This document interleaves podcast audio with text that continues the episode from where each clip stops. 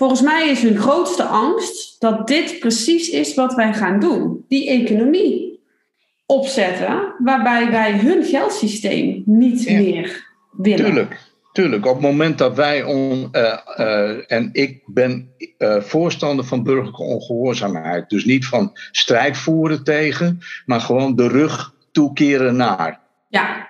In de traditie van Martin Luther King en van Gandhi en van Snowden, die heeft het in feite ook gedaan. Hè, dus op die manier in feite gewoon je losmaken van dat systeem. Maar dat kunnen we alleen als we het samen doen. We moeten gewoon de koppen bij elkaar steken en niet op ego's gaan koersen. want waar, ik het zo vaak op zie misgaan nu in deze tijd, is gewoon dat weer mensen gaan opstaan die, die weer de leider gaan uithangen, eh, die weer eh, de, eh, de wetende persoon gaan uithangen en die weer voorop willen lopen. Nee, we moeten het met elkaar doen. Ieder moet zijn eigen verantwoordelijkheid nemen. Het is niet zo dat de een alles kan en de ander niks. Ieder kan daarin bijdragen. Of je nou jong bent of oud, of je nou bezit hebt of geen bezit, maakt niet uit. Gewoon. Je moet het met elkaar doen. Welkom bij de Zorg voor ZZP podcast. Mijn naam is Priscilla Traans en in deze podcast ga ik op zoek naar kwaliteitsverbetering in de zorg. Dit doe ik door in gesprek te gaan met mensen uit de zorg, die als zelfstandige werkzaam zijn in verschillende branches. Verhalen uit de praktijk zijn de basis van elke podcast, waarbij we samen met de experts op zoek gaan naar knelpunten en hoe zij deze graag anders zouden willen zien. In deze podcast belichten we ook het ondernemerschap, de invloed van verzekeraars en overheid en het voldoen aan wet en regelgeving in de zorg. Ik wens je heel veel luisterplezier tijdens deze inspirerende talk. Welkom bij de Zorg voor ZZP podcast, waarin we vandaag in gesprek gaan met econoom Ad Broera. Ad heeft in de afgelopen 40 jaar ervaring opgedaan in onder andere het onderwijs, het bedrijfsleven, maar ook binnen het bankwezen. Dat laatste is dan ook enorm interessant, gezien de tijd waar we op dit moment in leven en de grote financiële reset die ons te wachten staat. Wat heeft corona ons eigenlijk allemaal gebracht? En is het wellicht een mooie aanleiding geweest om ons financiële stelsel eens goed te herzien? Want waar komen al die steunpakketten opeens vandaan? Nadat er eerst jarenlang bezuinigd is in de zorg. Welke waarde vertegenwoordigt geld eigenlijk nog? Maar naast een complete financiële reset zijn er ook mogelijkheden om een eigen samenleving te bouwen zonder invloed van private instellingen. Want ons zorgsysteem heeft vernieuwen nodig. Maar hoe pakken we dat eigenlijk aan? Welkom Ad, fijn dat je vandaag met ons in gesprek wilt gaan, waarin we okay waarin we samen op zoek gaan um, ja, waar de kansen liggen voor een nieuw zorgsysteem. Ja. Ja? Oké, okay, nou, vuur maar los. ik heb echt al een hele tijd uitgekeken naar deze podcast, omdat ik zelf al een aantal jaren me enorm verdiep in het financieel stelsel. Um, omdat ik ooit uh, heb geleerd um, van meneer Henry Ford. Die gaf aan, volgens mij was het in 1918, als mensen begrijpen hoe het financieel stelsel werkt, dan is er per direct een revolutie. En ja. toen dacht ik, ik moet gaan begrijpen waar geld vandaan komt. Ja. Um, ja, en, en daar gaan we dus vandaag ook als eerste uh, eens naar kijken van hoe zit dat nou eigenlijk in elkaar om te begrijpen ook waar bepaalde ja, zaken vandaan komen en waar we op dit moment ook staan. Dus ja. voordat we ingaan op het huidige zorgsysteem, lijkt het me goed om eens te kijken naar hetgeen waar we ons nu bevinden. En dan bedoel ik met name financieel gezien. Oké, goed. Um, het financieel stelsel. Hoe is dat ontstaan? dus hoe is dat, um, wat we nog steeds noemen moderne bankieren, terwijl het al meer dan drie eeuwen bestaat. Uh, hoe is dat uh, ontstaan? Nou, dat is ontstaan vanuit uh, de behoefte van de koningen en de adel destijds, en dan spreek ik over eind van de 17e eeuw, aan geld. Hè, want ze hadden gewoon continu geld nodig voor hun oorlogen, voor hun verovering van koloniën, voor hun eigen leefstijl. Hè, dus er was voortdurend grote behoefte aan geld.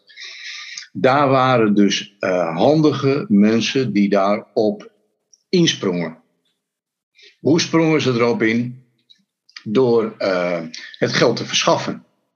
Op welke basis verschaften ze dat geld op? Wat uh, toen al was, fractioneel bankieren. Wat is fractioneel bankieren? Dat er maar een gedeelte aan waarde aanwezig is van wat ze uitlenen. Dus ze lenen bij wijze van spreken een uh, miljoen uit en uh, ze hebben nou, iets van duizend euro. Hè, dus op basis van die verhouding is er dus een hoop ongedekt geld wat wordt uitgeleend. Maar hoe dekken ze dat af? Hoe deden ze dat in die tijd? Door het volk in onderpand te geven. Dus de koningen gaven hun volk in onderpand aan de geldschieter. En de geldschieter uh, kreeg vaak ook nog een keer het recht om uh, de belasting te innen. Om daarmee zijn, uh, de terugbetaling van die schulden en de rente daarover niet te vergeten, om daarin te kunnen voorzien. Dus dit stelsel wat we nu hebben, is um, niet ontstaan vanuit het belang van het volk. Integendeel, het is eigenlijk altijd geweest om uh, het volk te gebruiken. En um, nu is het dus niet meer zo dat uh, de koningen en de adel daarin dominant zijn. Maar het is wel zo van dat er een dominantie is van uh, de, ja, je zou kunnen zeggen, de geldbaronnen.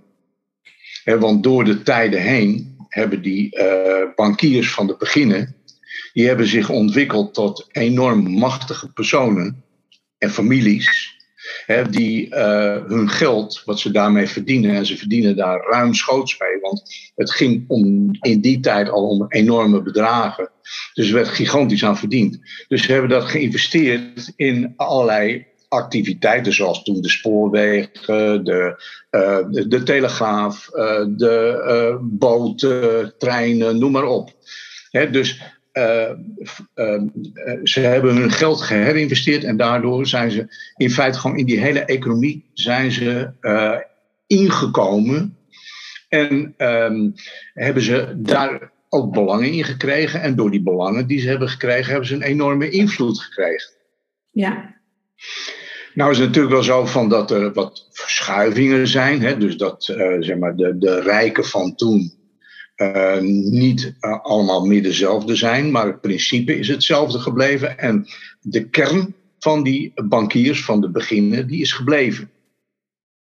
He, dus dat zijn de families waar, die je dan van tijd tot tijd ziet opvroepen. He, zoals de Rockefellers, zoals de Morgans, zoals de Rothschilds. Ja. dus dat zijn gewoon de, de, degenen die uh, een enorm, maar ook echt dus zo onvoorstelbaar groot, dat vermogen, daar heb je geen voorstelling van.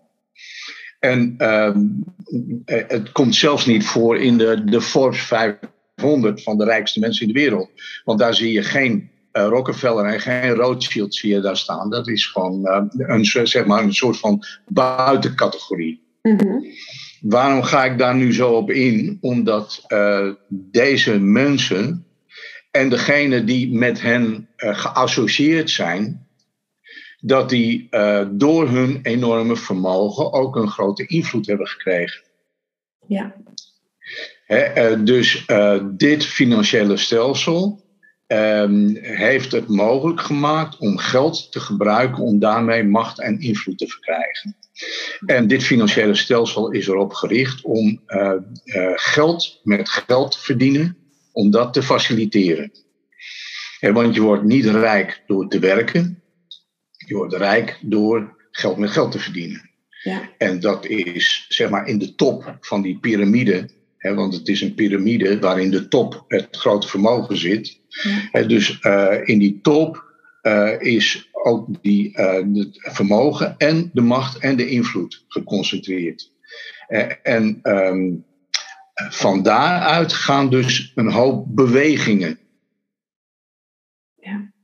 En ehm, zij maken gebruik van mensen die zij in feite kopen om hun plannen, hun ideeën uit te voeren. Want gekoppeld aan hun positie zitten ook bepaalde ideeën over wat moet. Maar daar kunnen we misschien later beter op terugkomen om het niet te, te uitgebreid te maken ineens. Ja, het is het wel. ehm, ehm, ik heb laatst ook het boek eh, gelezen, The Gold Reset van eh, Willem Middelkoop. En Ja, daar wordt ook een uitgelegd van hoe is nou eigenlijk geld ontstaan. En in principe eh, moet je dat gewoon zien als hele grote drukpersen, hè, waar, waar gewoon geld geperst wordt. Ehm, en dat er op een gegeven moment bijvoorbeeld in China werd er ook verplicht gesteld van dit is gewoon het geld wat je moet gaan gebruiken. En doe je dat niet, dat er ook bepaalde veroordelingen op kwamen. Dus dat het geld ook, omdat het in omloop kwam, ook waarde begon te krijgen. Maar het is ook zo, en misschien kun je daar ook antwoord op geven, dat voorheen was geld opgehangen aan waarde goud. Dus dat er een soort van ja, goudvoorraad eh, aanwezig was bij, de, nou ja, bij degene die het geld beheren, om een soort van waarde te waarborgen van het geld. Maar dat is eraf gehaald. Want op dit moment is geld in principe gewoon waarde schuld. En ehm, ja, is het eigenlijk zo dat de banken de schulden van landen opkopen in ruil voor ja, goedkopere leningen om in ieder geval de economie weer in draaiende te laten houden. Maar dat is natuurlijk een systeem dat helemaal niet lang houdbaar is. En volgens mij staan we op dit moment ook op, ja, op het punt Hm. van een financiële omkanteling. Er wordt gesproken over een digitale munt, waardoor we dus gewoon niet eens meer echt dat cash nodig hebben. Dus dat geld bijdrukken, dat het in principe niet eens meer hoeft, want we hebben alleen nog maar digitale eenheden. Maar dat er ook gesproken wordt over om toch weer terug te gaan naar het financieel systeem waarbij goud weer ehm, als soort van waarde gekoppeld wordt. Maar hoe zit dat dan? Nou, ik hou het graag bij eh, de kern waar het om gaat. Ja, dus daarom heb ik ook uitgelegd van hoe het ontstaan is. En hoe het ontstaan is, is eigenlijk in principe nog steeds zo. Zoals het is ontstaan. Je- wat jij zegt van, eh, over dat het fractioneel gedekt was, het geld door goud, dat is waar. En op een gegeven moment is die goudstandaard losgelaten, waardoor op een gegeven moment die enorme groei is van de hoeveelheid geld. ja. Want sinds de jaren 70, in, eh, rond 1970, heeft Amerika heeft, eh, de gouddekking van de dollar losgelaten. Ja. Eh, tot die tijd was de dollar as good as gold, zoals dat dan heette. Dat je de dollar altijd kon inwisselen tegen goud. Maar dat was niet eh, te handhaven. Dus Nixon die heeft in 1970, die was toen president van Amerika, die heeft toen eh, die goudstandaard heeft die losgelaten. Dat is het begin geweest van een enorme groei. Gekoppeld aan de ontwikkeling van de technologie. Want voor die tijd hadden we papiergeld, muntgeld. En eh, rond 70 is ook die enorme groei gekomen van de digitale mogelijkheden. Waardoor er steeds meer digitaal geld is ontstaan. En dat digitaal geld is eigenlijk ongeremd is dat gegroeid. Formeel moest het gedekt worden door vermogen, maar op een gegeven moment was die dekking niet meer dan 2% hè, van eh, wat er werd uitgegeven. Ja. Hoe eh, dekken de banken het dan af? Nou, doordat jij gewoon het voorbeeld van jij wil een hypotheek voor, om een huis te kopen. Je gaat naar de bank toe. De bank die kijkt van of jij in staat bent om eh, jouw eh, lening terug te betalen en ook de rente erover te betalen. En als je, je redelijk aannemelijk kunt maken dat je daartoe in staat bent, dan krijg je dus die hypotheek. Dat betekent dat je dus dat, je een enorme hoeveelheid geld tot je beschikking hebt om een huis te kopen die inmiddels zes keer over de kop is gegaan ten opzichte van 30 jaar geleden. Hè? Dat is natuurlijk ook waanzin. Maar goed, ehm, dus je, je hebt een hoge hypotheek. En die hypotheek die, ehm, is, bestaat uit geld, digitaal geld, die er tot het moment dat jij die leningakte tekende, er niet was. Dus dat Ja. geld was er niet. Er is altijd het verhaal opgehangen van eh, het zijn de omaatjes die hun spaargeld op de bank zetten en dat spaargeld wordt uitgeleend door de bank. Dat is een leugen. Die ze tot voor kort hebben gehandhaafd. Dus ze, ehm, nog steeds, als je een uh, NIBE-cursus, dat is dus de, die bank- en effectenbedrijf uh, opleiding, als je daar in de cursusmap kijkt, dan zie je nog steeds dat ze uh, dat proberen te verkopen. Dat, die leugen hè, van dat spaargeld de dekking is voor het geld dat wordt uitgegeven. Nee, dat geld is er niet. Het is er niet op het moment dat jij voor die hypotheek tekent. Als jij die leningakte hebt getekend, dan uh, wordt er, worden er wat getallen ingetoetst in uh, de computer. En op dat moment ontstaat er geld op de bankbalans. Links het bedrag wat ze op jou te vorderen hebben. En rechts het bedrag wat jij beschikbaar hebt om je hypotheek te betalen. Of om uh, het huis te betalen. Ja. Dus geld wat er niet was, ontstaat dan. En de bankbalans wordt er langer van dat is dus gebeurd. Van, er is dus zoveel geld gecreëerd op een gegeven moment dat die bankbalansen zo groot werden dat het eigen vermogen wat ze hadden, die banken, dus het eigen geld wat die banken hadden, dat dat verhoudingsgewijs maar heel minimaal was. Mhm. Daarmee worden banken natuurlijk ook kwetsbaar. Plus dat ze, uh, de, de dekking die ze nemen is in feite het huis wat jij koopt. Dat nemen zij in dekking. Dus hun zekerheid is dat huis. Zolang dat huis zijn waarde behoudt, hebben ze geen probleem. Maar als die woningmarkt in elkaar zou zakken, hebben ze een probleem. Dus banken hebben zichzelf daarmee ook enorm kwetsbaar gemaakt door het op die manier te doen. Nou, dat is in feite gewoon al misgegaan in 2008, zoals je in de inleiding al noemde. want uh, toen zijn er uh, eigenlijk zoveel ontsporingen geweest dat uh, je kunt zeggen van banken zijn toen en masse al technisch failliet gegaan en bestaan nu eigenlijk al nog als zombies. Die in feite alleen maar overleven en door de centrale banken, dat zijn de banken die dan de banken. Um, uh, moet zeggen, uh, moeten controleren en uh, moeten helpen in, hun, ehm, in hun acties. Mm -hmm. die, die centrale bank die heeft dan inderdaad, zoals je zegt, een heleboel leningen opgekocht slechte leningen opgekocht. Om daarmee die banken weer wat ruimte te geven. Met de bedoeling dat die banken daar dan ook weer door krediet gingen verlenen aan. Uh, maar die kredietverlening die is helemaal niet meer op gang gekomen.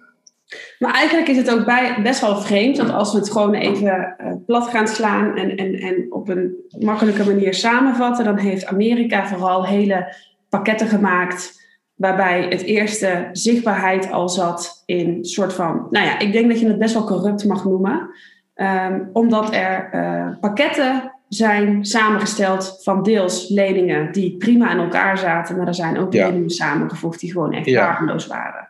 Ja. En toch kregen ze een triple A-markering. Ja. Wat eigenlijk niet kan. Wat zegt van, nou, dit is echt een hele goede lening. Dus die mag je gaan aanbieden met een hoogste waarde die het maar vertegenwoordigt. Dat zijn die collateralized debt obligations waar je het over hebt, ja. ja. En die werden dan gedekt door hypotheken.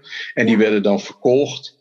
En die werden uh, dus uh, geknipt. Er gewoon handel in leningen. En er werden in gehandeld. En uh, ook hier in Nederland zijn er heel wat instellingen die, die collateralized debt obligations hebben gekocht en die daar enorme verliezen door hebben geleden. En daardoor zijn er inderdaad grote problemen ontstaan. Klopt. Niet alleen bij de banken, maar ook dus vooral bij degenen die het hebben gekocht, die gewoon waardeloze activa hebben gekocht in feite. Ja, precies.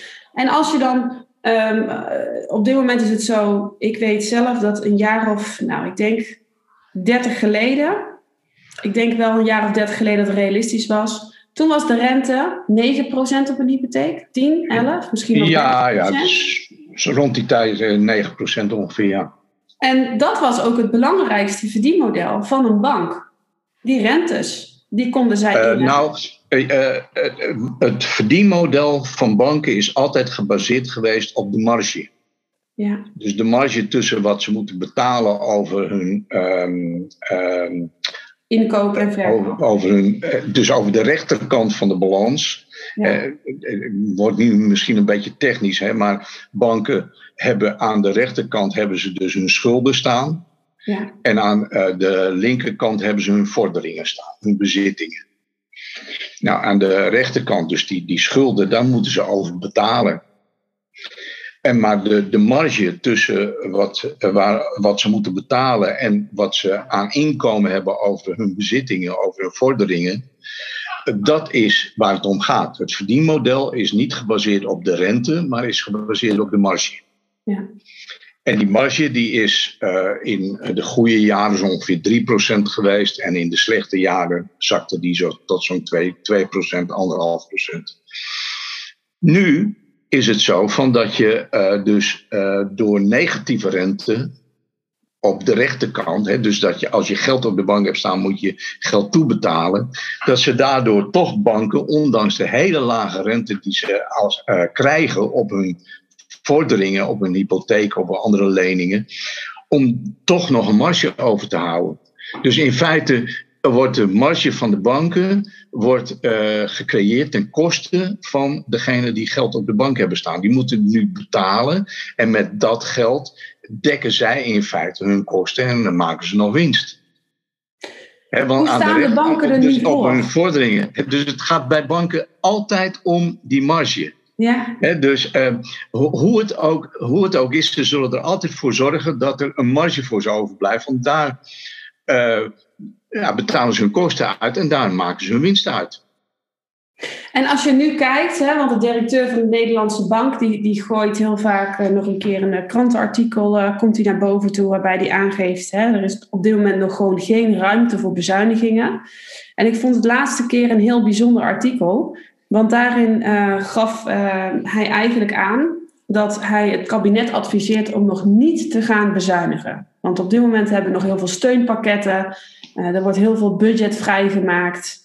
Um, er is uh, nou, opeens heel veel geld in omloop. Daar gaan we dadelijk ook wat meer naar kijken van waar komt dat nou eigenlijk allemaal vandaan. Maar die man die gaf aan, het is nog geen tijd voor bezuinigingen. Want, um, en zo heb ik het begrepen, en, en dat lijkt me leuk om dat vandaag ook eens toe te lichten vanuit jouw kant. Is stel nou dat um, de leningen die verstrekt zijn aan ondernemers in de coronaperiode Stel dat er nu bezuinigingen toegepast gaan worden. En dat resulteert in een hele hoop faillissementen bij ondernemers die lange tijd dicht zijn geweest of uh, leningen hebben moeten afnemen bij banken om ja, überhaupt hun bedrijf niet failliet te hoeven laten gaan. Als die bedrijven de uh, rentes en de aflossing op lening niet meer kunnen betalen en dus failliet gaan, dan betekent dat voor de bank eigenlijk een volledige, volledig verlies. Als dat grootschalig gebeurt, en, en ja, tel alle bedrijven maar op die in zwaar weer verkeren en alleen maar staande worden gehouden door steunpakketten en leningen, dan mogen we volgens mij concluderen dat onze economie redelijk kunstmatig in stand gehouden wordt. Want als op dit moment bezuinigingen toegepast worden en alles weer opnieuw hè, uh, zelfstandig moet gaan draaien, dan krijgen we een hele hoop faillissementen, wat resulteert in een, ja, volgens mij ook wel een soort van collapse bij banken. Klopt dat? Nou, kijk, weet je, uh, de Nederlandse economie is gebaseerd op uh, de consumptieve bestedingen. dus wij produceren weinig in Nederland. Wij importeren veel, wij exporteren ook. Maar exporteren is eigenlijk meer doorvoer dan dat wij onze eigen producten exporteren. De agrarische sector exporteert, maar dat is verhoudingsgewijs niet zoveel. De Nederlandse economie drijft op dienstverlening. En zolang die dienstverlening loopt, beweegt ook de euro door de Nederlandse economie. Mhm. Dat is in het afgelopen jaar niet goed gegaan. En dus ook in het eerste kwartaal van 2021 niet goed gegaan. Want in uh, die periode zeg maar, van een jaar is er uh, uh, relatief weinig besteed.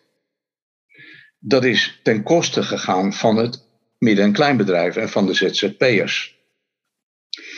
Ze zijn boven water gehouden door leningen en subsidies. vanuit de overheid. En doordat hun financiële verplichtingen door banken werden opgeschort tijdelijk. Maar op een gegeven moment houdt dat op, houdt die steun op. En uh, moeten ze weer uh, zeg maar op eigen benen zien te staan. En nou is de, wat in de media wordt gezegd en door Knaas Knot wordt gezegd, het komt vanzelf goed. He, want als de maatregelen worden ingetrokken, dan gaat iedereen wel weer besteden. Nee, je maakt gewoon de, wat afgelopen jaar niet is besteed, maak je niet meer goed. Want mensen gaan niet twee keer zoveel uitgeven. Dat doen ze niet. Ze gaan wel weer uitgeven, maar uh, ze gaan dus niet dat gat wat is ontstaan vorig jaar, gaan ze dempen. Door extra te gaan uitgeven. En bovendien wordt ook gezegd, er is zoveel gespaard. He, maar uh, dat geldt voor, nou zeg 30% van de Nederlandse huishoudens, die sparen. Maar 70% komt niet aan sparen toe. dus uh, de verwachting dat het wel weer goed zal komen, is voor mij gewoon een enorm psychologische misser. uh, want het komt niet. Bovendien is ook de angst in de samenleving verschoten. en uh, daardoor zie ik gewoon die, die, die bestedingen helemaal niet meer zoals het was op gang komen. En dat gaat ten koste van het midden- en kleinbedrijf en ten koste van de ZZP'ers. En wie zijn de grootste verschaffers van werkgelegenheid? Dat, zijn de, uh, dat is het MKB en dat zijn de ZZP'ers. Uh, er zijn anderhalf miljoen ZZP'ers. Er zijn, uh, ik geloof, iets van 250.000 MKB-bedrijven. En dat zijn de grote werkgelegenheidsverschaffers. Dat doen de grote ondernemingen niet. Dus als die MKB uh, onder druk komt te staan, gaat dat ook ten koste van de werkgelegenheid. Als uh, de werkgelegenheid uh, in een geding komt, dan krijg je dus waarschijnlijk een grote werkloosheid. Als je grote werkloosheid krijgt, dan krijg je dus minder opbrengsten voor de overheid in de vorm van inkomstenbelasting en loonbelasting. Dat betekent dus ook dat de overheid minder kan. Dus die hele redenering van, uh, nou, uh, als uh, de maatregelen worden opgeschort, gaan we weer over tot de orde van de dag en dan komt alles wel goed, is voor mij gewoon zo naïef dat ik haast niet kan geloven dat er zo gedacht wordt door mensen die in die positie zitten, van minister van Financiën of president van de Nederlandse Bank. Ik uh, kan ik je denk, daarin uh, volgen. Ik denk, dat, ik denk dat dat een, een vorm van naïviteit is die uh, nou, te naïef is om, om waar te zijn, zeg maar. Maar nou we op dit onderwerp zijn gekomen, um, dat een jaar geleden, anderhalf jaar geleden, heeft corona zijn intrede gedaan en werd het bestempeld als een grote pandemie. Wat op dit moment nog steeds ter discussie staat of dat wel een pandemie mag zijn en hoe ernstig het eigenlijk is. Nou, als eerste werd meteen aangegeven dat er uh, vaccinaties, dat was de oplossing naar uh, weer opnieuw vrijheid. Veel mensen, en ik volg jou al vanaf het begin volgens mij online, uh, Bob de Wit evenals, nou je hebt laatst een podcast opgenomen, Jorn Luca, ehm, Isa Kreens, maar nog zoveel mensen meer die hebben kunnen uitzoomen en die hebben gezegd: het is niet alleen maar dat virus wat er speelt. Er is meer aan de hand. Ja. En eigenlijk zien we dat uh, nu gebeuren. Um, we, er wordt gesproken over een, uh, een vaccinatiepaspoort. Uh, sommigen ja. noemen het ook wel dat we afsteken op medische apartheid. Ik wil daar nog even niet op ingaan, maar ik wil meer gaan kijken naar de financiële gevolgen van de periode waar we in zitten. Ja. En um, ook eens kijken naar het voorstel voor eventueel een basisinkomen. Ja. Want stel dat we nou, in de problemen gaan komen, wat jij aangeeft, het midden-kleinbedrijf, de werkgelegenheid, er ontstaat een hele grote werkloosheid. En we zitten eigenlijk in een grote financiële crisis. Ja.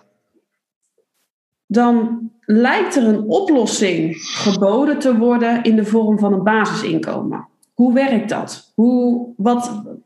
Ja, dat moet ik even in een context plaatsen. Want ja. uh, als ik zo zeg van een basisinkomen, dan, uh, dan gaat dat zweven. Ja. Uh, waarom gebeurt dit? Ja. Hè, waarom is alles gebeurd wat er gebeurt?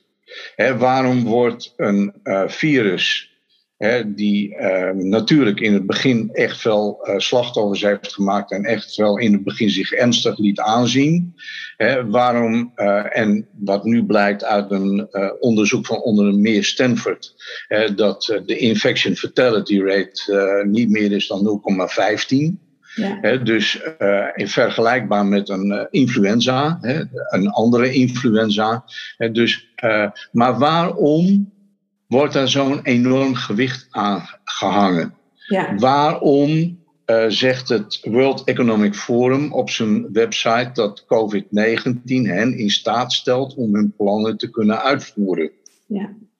COVID-19 stelt ons in staat om uh, deze wereld op de Build Back Better op een betere manier uh, te herorganiseren. Uh, duurzamer te maken, veiliger te maken, armoedeprobleem te kunnen aanpakken. En daar kom je bij de kern. er zijn dus, ik begon met die, die rijken, die dus in een invloedrijke positie zitten. Nou, die vormen met elkaar gewoon een, een een, een grote groep die je ook wel de Davos-groep noemt. Grote groep, verhoudingsgewijs een kleine groep. Davos-groep. Die hebben dus allerlei experts en specialisten in de arm genomen die voor hen een plan hebben uitgewerkt van hoe het volgens hen verder moet met de wereld. Want de gedachte is van de mens is een pest geworden voor de aarde. De mens moet dus in feite worden uh, gemanaged. Hoe kun je de mensheid managen? Door uh, de mens afhankelijk te maken van een systeem.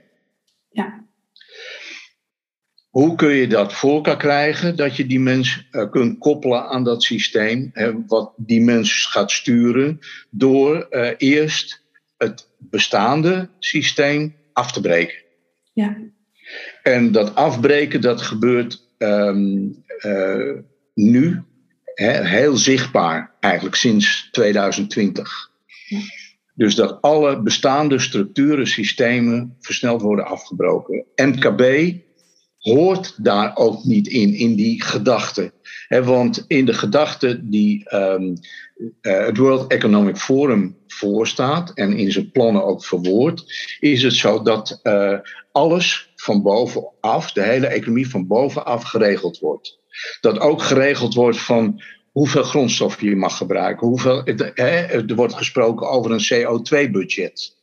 Dus alles wordt gewoon in um, een digitaal systeem gebracht. En iedereen, ieder individu wordt ook aan dat uh, systeem gekoppeld. Op die manier wil men dus een betere wereld, tussen aanstekens betere wereld gaan creëren.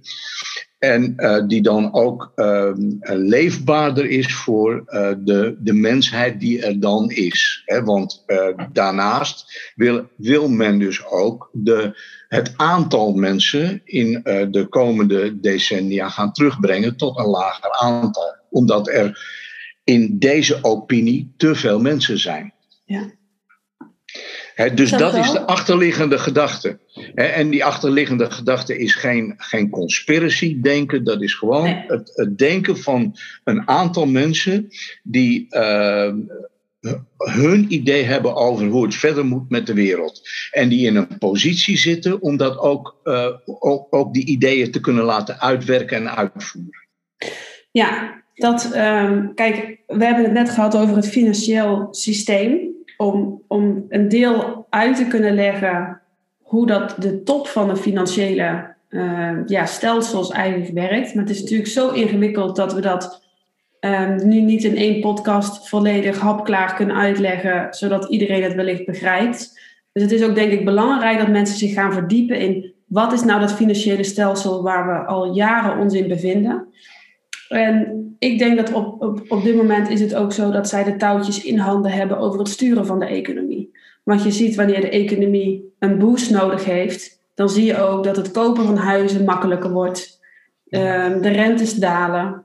En je ziet nu eigenlijk al een beweging waarin je vragen mag gaan stellen. Hoe kan het zo zijn dat de huizen zo erg aan het stijgen zijn? Mensen makkelijker hypotheken kunnen krijgen en de rente laag blijft. De rente gaat dadelijk weer stijgen, er worden golfbewegingen. Het is eigenlijk een kort, continu een golfbeweging die gemaakt wordt. En die ook um, beïnvloed wordt. Dan hebben we het over het Build Back Better, want dat horen we. Koning Willem-Alexander heeft uitgesproken, um, Mark Rutte en uh, Joe Biden. Alle grote regeringsleiders eigenlijk ter wereld hebben aangegeven dat zij de wereld op een betere manier willen heropbouwen. Ja, klopt. En dat klinkt natuurlijk Maar wat ze ook willen, um, wat ze ook willen, is een einde aan dit systeem. Ja. He, dus uh, alles wat je ziet gebeuren nu is, uh, uh, zit op ramkoers of op rampkoers. He, de woningmarkt, de, de zorg. Kijk maar naar welke sector dan ook. Alles zit op rampkoers. Dat kan alleen maar leiden tot een, gigantische chaos die chaos die wordt zo groot dat mensen op een gegeven moment gaan vragen naar uh, rust, orde en dat het geregeld wordt. Dan staan ze open voor uh, het geleid worden in een systeem. He, want een vrij mens en een vrijdenkend mens en een mens die in, een, in zijn eigen eigen natuurlijke omgeving kan blijven, die, die piekert er niet over om zijn soevereiniteit uit handen te geven aan een, uh, aan een systeem. Nee. dus daarom uh, gebeuren al deze dingen momenteel. Want de, de, de, dingen die gebeuren zijn allemaal gericht op uh, het moet fout lopen. Het, het kan niet anders dan fout lopen. Het loopt vast gigantisch vast. Als je kijkt naar de hoeveelheid geld in de wereld, de hoeveelheid dollars, die groeit met. Als je kijkt naar het plaatje, dan is dat, je zo'n hockeystick. Er komt met de dag komt er meer bij. dus in dat geldsysteem zit het niet goed, in uh, het onderwijssysteem zit het niet goed, in uh, de zorg zit het niet goed, in, uh, bij banken zit het niet goed. En je ziet ook met de productie, hè, dus um, er wordt gewoon echt bewust gestuurd op dat het op een of andere manier niet. Hè, ik, ik, las dat containers in prijs, het huren van een container in prijs vertienvoudigd zijn in vier maanden tijd. Uh, ik lees ook berichten van dat producenten uh, hun product niet kunnen afleveren, omdat bepaalde onderdelen van die productie niet beschikbaar zijn. Begint nu al zichtbaar te worden dat we ja, tekorten gaan krijgen. De, ja, dus uh, dat betekent dat op een gegeven moment er niet meer uitgeleverd wordt. En als er niet meer uitgeleverd wordt, dan kunnen de, de, um, de, de, de, kan de detailhandel, kunnen supermarkten, de, kunnen de uh, leveranciers van auto's, fietsen, die kunnen op een gegeven moment hun, hun producten niet meer uitleveren dan krijg je dus een bijdrage, een verdere bijdrage aan die chaos. Ja. dus het is gewoon echt, als je over sturing spreekt, dan is dit sturing. Dit is sturing naar het punt dat het op een vreselijke manier gaat crashen. En onderwijl zijn wij net de gekookte kikker. Want er wordt gedaan alsof er niks aan de hand is. Er, uh, er wordt gedaan alsof het allemaal wel uh, goed zal komen. Maar het gaat niet goed komen zoals wij hopen dat het goed komt. Het gaat uh, toe naar het punt dat er zo'n chaos komt. Hè, dat die um, uh, Great Reset planners kunnen zeggen van kijk en hier is ons plan en dat gaan we uitvoeren. En als jullie doen wat wij zeggen, dan hebben jullie een basisinkomen. En hoe ziet dat systeem er dan uit? Want ik vind het een, aan de ene kant ik vind het een interessante materie. Aan de andere kant is mijn hoogste ideaal om te bereiken is vrijheid. Vrijheid is het allerbelangrijkste wat we als mensen zijn. Ja, mijn ook, ja. ja. En daar zal ik dus ook alles voor in werking zetten en alles doen om dat te blijven behouden. Ja. Ik denk zelf dat wij in het Westen enorm ver verwijderd zijn geraakt van wie we werkelijk zijn. We hebben geen vertrouwen meer in ons menselijk lichaam. We hebben geen vertrouwen in ons immuunsysteem. We weten in ons eigen kunnen niet, in ons eh, man zijn, in ons vrouw zijn. Alles is, wordt in twijfel getrokken. Ja, en ik denk aan de ene kant dat we, uh, want ik, ik begeef me in een omgeving van mensen die er hetzelfde in staan als ik, waardoor je dat gevoel heel erg versterkt en merkt dat daarin een, een, een samenleving gaat ontstaan die niet binnen de huidige systemen past en ook niet binnen de nieuwe systemen.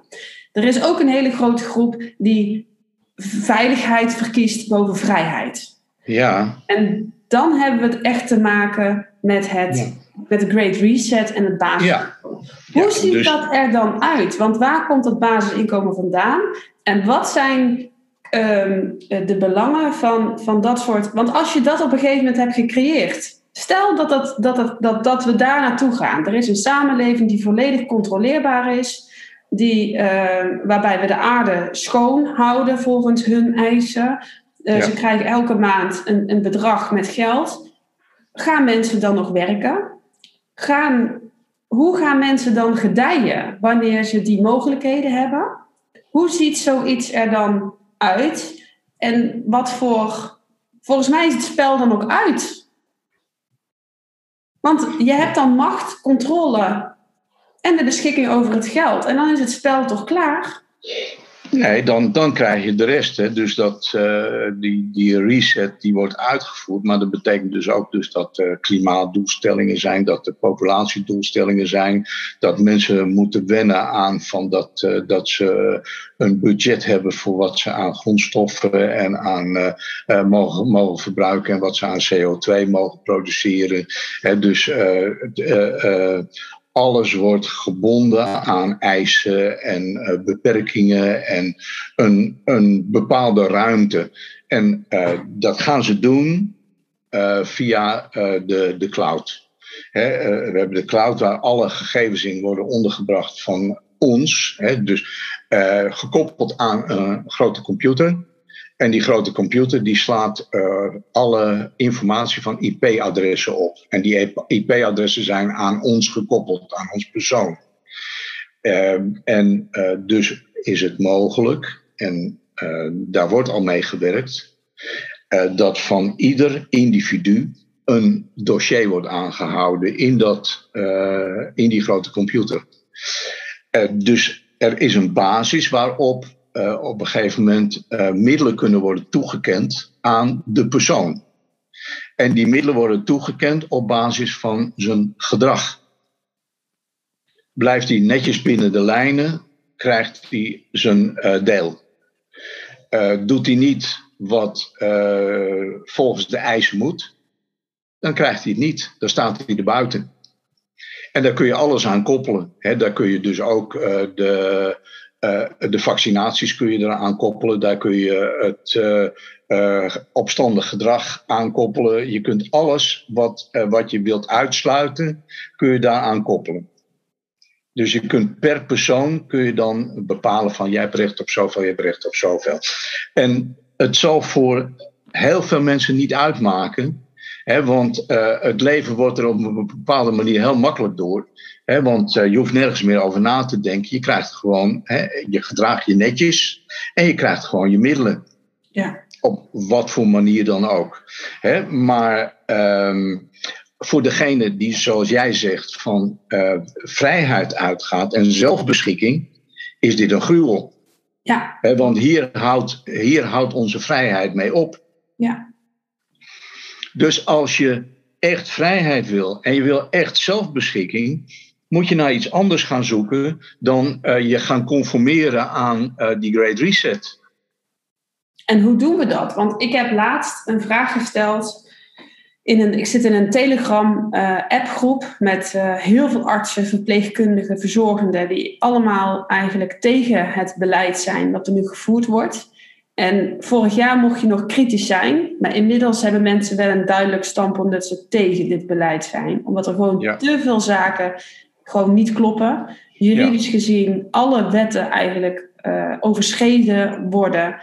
Um, en de zorg is daar een heel groot slachtoffer ook van. Ja, Als we kritisch eh, gaan kijken naar ons zorgsysteem, dan hebben we een heel ziek zorgsysteem. Ja. Um, wat vernieuwd moet worden. Dus dat er vernieuwing uh, nodig is. Dat zegt waarschijnlijk de Build Back Better uh, plannen. Die zeggen dat ook.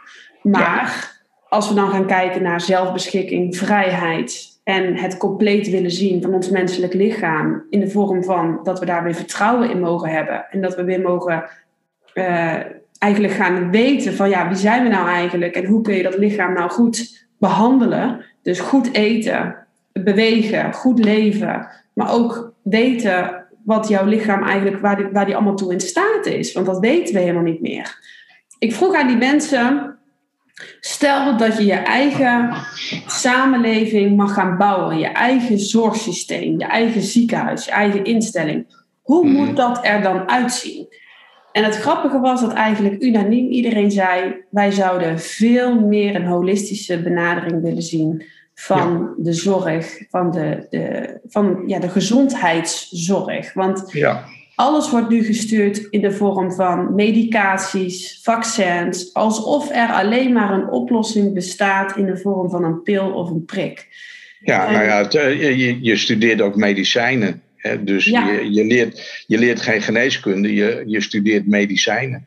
En daarbij wordt er een heel groot deel uh, van het menselijk lichaam niet gezien. En wordt er heel erg gekeken naar de oppervlakte. Ja, alsof we een aaneenschakeling zijn van allerlei gedragsmomenten. Ja, wat dan vervolgens zorgt voor een disbalans, wat dan weer een ziekte veroorzaakt. Terwijl um, ja, we hebben ook, we zijn meer dan alleen maar dat lichaam. Ja. En dat wordt in de medische wetenschap gewoon niet erkend. Ja. En je ziet dat steeds meer medisch opgeleide mensen steeds meer naar de complementaire kant gaan, omdat ze het menselijk lichaam als geheel willen begrijpen. Ja. En dat is dus eigenlijk de feedback die ik krijg. En ik heb daar natuurlijk zelf mijn bedenkingen over, want dat is wat ik als meest ideale beeld zou willen zien. Ja. Maar hoe zou je dat nou kunnen... Kunnen we dat doen? Kunnen we in de huidige wet en regelgeving natuurlijk en de bewegingsvrijheden die we nu hebben, kunnen we een, een, een parallele samenleving bouwen? Ja, nou, dat uh, kan als wij dat zelf willen. daar gaat het om. van wat wil jij? Wil jij uh, meegaan met die grote stroom? Of wil jij kiezen voor vrijheid en zelfbeschikking en menselijke waardigheid? Als je dat doet, dan moet je allereerst beginnen met je rug toe te keren naar dit uh, financiële stelsel. Want dit financiële stelsel is het middel waarmee wij in feite gewoon gedresseerd en gemanaged worden. En dus als je daarvan losmaakt en als je realiseert dat geld eigenlijk niets meer is dan dat wij accepteren als geld als ruilmiddel. En dat je eh, alles wat daaraan gekoppeld is, eigenlijk alleen maar het ingewikkeld, uh, onnodig moeilijk heeft gemaakt. En een systeem waar wij niets aan hebben, wat gericht is op, uh, zeg op, op, opeenhoping van rijkdom en bezit bij een hele beperkte groep. Ja. Daar, zo zit dat systeem nu in elkaar. Als wij niet willen dat wij door een kleine groep in feite gemanaged worden via dat geld, dan moeten wij, ons, moeten we afscheid nemen van dit geld. Kunnen we dat? Ja, natuurlijk kunnen we dat. Wij kunnen, wij, wij kunnen met elkaar afspreken dat wij uh, elkaar betalen met geld waar je niet mee kunt speculeren en waar je ook geen rente mee kunt verdienen. En uh, wat alleen als ruilmiddel dient. Dat kunnen we. Maar we moeten dat wel met elkaar dragen, want het gaat pas werken als er voldoende draagvlak is voor dat geld. Ja. Hebben we dat geld, dan hebben we in ieder geval een basis om onze eigen economie op te bouwen. He, Rainer Vielmich, die jurist, Duitse jurist, die zei ook: ja, zonder economie beginnen we niks. dus het begint met de economie. We kunnen de economie kunnen we, uh, kunnen we op onze eigen manier gaan opzetten als we eerst de koppen bij elkaar steken zeggen van wij willen af van die systemen en dan met name van dat geldsysteem. Want dat onderdrukt ons. Is dat we hebben er niks aan. niet bang voor zijn? Want ik zie alleen maar berichten van eh, media om ons bang te maken voor de kracht van cryptocurrencies.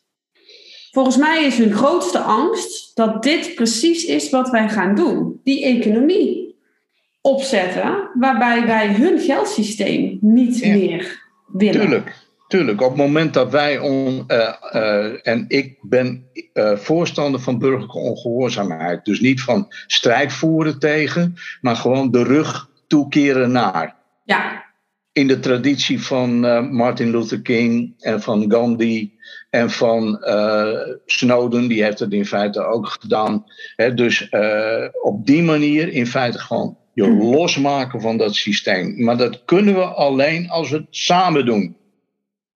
We moeten gewoon de koppen bij elkaar steken en niet op ego's gaan koersen. want waar, ik het zo vaak op zie misgaan nu in deze tijd is gewoon dat weer mensen gaan opstaan die, die weer de leider gaan uithangen, eh, die weer eh, de, eh, de wetende persoon gaan uithangen en die weer voorop willen lopen. Nee, we moeten het met elkaar doen. Ieder moet zijn eigen verantwoordelijkheid nemen. Het is niet zo dat de een alles kan en de ander niks. Ieder kan daarin bijdragen. Of je nou jong bent of oud, of je nou bezit hebt of geen bezit, maakt niet uit. Gewoon. Je moet het met elkaar doen. Ja. Ja, en dat, dat is wel, um, denk ik, ook het grootste omslagpunt wat we nodig gaan hebben. Want het grootste tovermiddel wat ingezet wordt, is altijd angst. Angst zaaien voor vrijheid. Angst zaaien voor een virus. Angst zaaien voor zekerheid. Tekorten. Continu die angst. En we zitten nu in een tijdperk waarbij, of in een tijdperk, we zitten nu natuurlijk in een periode waarin angst de boventoon voert. Angst voor het virus, angst dat je niet op vakantie kan, angst dat je vrijheid niet terugkrijgt, angst dat je niet mee kan doen, dat je er niet bij hoort, angst voor er is zoveel angst voor allerlei drogredenen. Klopt. Dat de angst die je eigenlijk zou moeten hebben voor, de, voor het nieuwe systeem, wat klaar staat om zijn intrede te doen. Ja. Eigenlijk, dat, dat zou de grootste angst moeten zijn, waardoor je in beweging komt om. En, en, je grootste motivatie om je daarvan los te maken. Precies, dat is het. dus uh, wij moeten gemotiveerd zijn om ons van dit systeem los te maken, omdat het systeem ons anders opslokt. en eh, ons tot iets maakt wat we niet willen zijn, namelijk een, een soort van, van slaaf. Ja. en uh, wat wij willen zijn, is gewoon vrije mensen die uh, zelf over onze toekomst en over de toekomst van onze kinderen willen kunnen beslissen. En wij kunnen zelf ook heel goed kunnen wij, uh, uh, de aarde goed behandelen en de natuur goed behandelen en daar goed mee omgaan. He, want het idiote is natuurlijk he, van dat, die hele vervuiling waar we mee te maken hebben, met het uh, hoeveelheid plastic, met de olie. hoe is dat bij ons gekomen? Juist door degene die daar hun verdienmodel van hebben gemaakt en die daar gigantisch aan hebben verdiend. Ja dus door te verdienen aan rommel die ze in onze mik hebben geschoven en ons geen alternatief hebben geboden dan alleen plastic en olie, hebben ze in feite gewoon ook meegeholpen om die natuur gewoon. En nu moeten wij gemanaged worden omdat wij het verkeerd hebben gedaan. Snap je? Ja, dat klopt. De schuld wordt bij de Dus dat is gewoon de, de idiotie in dat denken. En het, het, het, het, het zijn mensen gewoon die. Uh, vooral gewoon geïsoleerd moeten worden. die uh, niet meer de kans moeten krijgen om uh, hun ideeën, om die ten uitvoer te brengen. En dat kunnen we maar op één manier door uh, het, het, het, die stroom van geld die voortdurend naar hen toe gaat. omdat ze geld voor zich laten werken, dat die gestopt wordt. En die kan alleen maar gestopt worden als we ons eigen geld gaan hebben, wat rentevrij en speculatievrij is. Daar kunnen ze niks mee. Daar kunnen ze niks mee, daar staan ze machteloos tegenover. Ze zullen proberen om het verdacht te maken, ze zullen proberen om iedereen zwart te maken, ze zullen zelfs proberen om mensen uit te schakelen. Maar als er een groot aantal vastbesloten mensen is die zeggen van we bouwen onze eigen economie, we bouwen onze eigen gezondheidszorg, we bouwen onze eigen onderwijssysteem, hè, dan staan ze machteloos. Ze staan machteloos tegenover het getal. Er moet niet een bepaald figuur. Er moet niet een Baudet moet voorop staan. Er moet niet een engel voorop staan. Er moet gewoon een, een, een, een groot aantal mensen zijn die vastbesloten is om zich hiervan los te maken. En uh, ik verdiep me, ik volg al een hele tijd uh, onder andere Madelon Vos. Ik vind dat zij op een hele goede manier uitlegt op macro-economische aspecten van wat gebeurt er nou eigenlijk. En zij koppelt dat aan, ja, aan, aan het financieel stelsel wat er is. Ze is helemaal into bitcoin en uh, andere cryptocurrencies. Maar dat eigen, het bouwen van een eigen economie. Maar ik ben niet voor bitcoin hoor. Nee, iedereen mag daar natuurlijk zijn bitcoin, eigen. De bitcoin, de grootste fout die bij bitcoin is gemaakt, is dat het een beleggingsmiddel is. Ja. He, mensen willen daar rijker mee worden. Zolang je zo met geld omgaat dat je er rijker door wilt worden, dan uh, ga je op een verkeerde manier met geld om. Geld is niet een middel om geld met geld te verdienen. De hele waanzin die bij ons is, in onze hoofden zit, is van mm. dat wij geld als product zijn gaan zien. En zoals jij uh, voor ook al uh, vertelde over die collateralized debt obligations. We zijn er een product van gaan maken waar je geld mee kunt verdienen. Geld met geld verdienen. Dus we zijn gewoon in de val getrapt. We doen precies datgene wat ze willen dat we doen, namelijk geld als product behandelen en niet geld als ruilmiddel. Als geld als ruilmiddel en niet meer als, dan als ruilmiddel wordt behandeld, dan raken ze hun macht over ons kwijt. Ja, ik zie het zoals ik het op dit moment heb geleerd en bekijk vanuit mijn positie, is dat ik Bitcoin absoluut niet zie als een betaalmiddel. Maar als je op een gegeven moment, kijk, de weg naar vrijheid nu voor, hè, um, is als jij een inkomen kunt genereren ja. Zonder dat jij daar per se voor moet werken. Dus dat je gaat kijken naar passieve vormen van inkomen, waardoor jij dus een bijdrage kunt leveren aan de samenleving, aan de opbouw van uw economie. Um, hè. Uiteindelijk, als je 40 uur per week alleen maar aan het hollen bent, dan mis jij heel veel aspecten van wat er eigenlijk allemaal gebeurt. Maar als wij uh, rente en speculatie uit het geld schrappen dan hebben wij aan 18 uur werken in de week genoeg om eh, in ons inkomen te kunnen voorzien en om alles te kunnen kopen. Houden we ruimschoots tijd over. Wij werken het grootste deel van onze tijd voor degene die geld met geld verdienen. Maar hoe doen we dat dan? Want nu zitten we natuurlijk in een tussenfase. En dat Omdat is in alles wat wij. Nou, wat, wat wij moeten is gewoon communities gaan bouwen.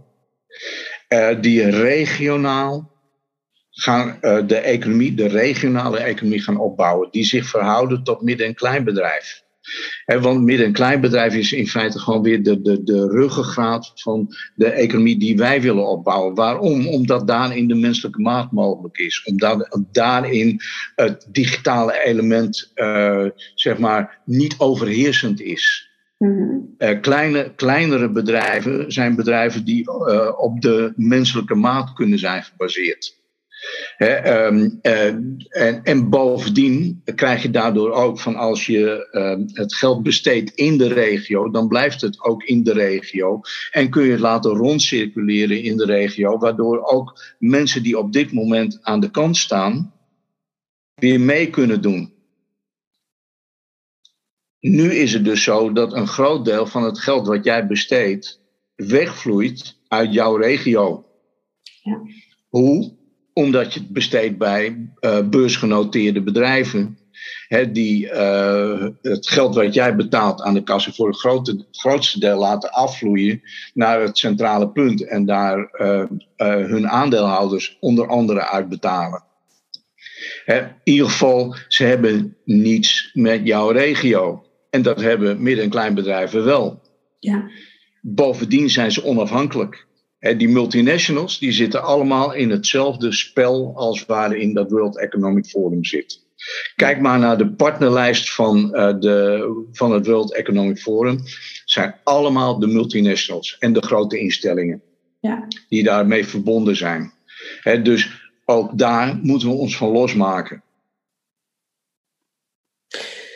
Als je een nieuwe samenleving gaat bouwen, want ik denk dat we dat met z'n allen nog nooit gedaan hebben. En ik vind dit wel een mooi punt, want het roept ook heel veel vragen op.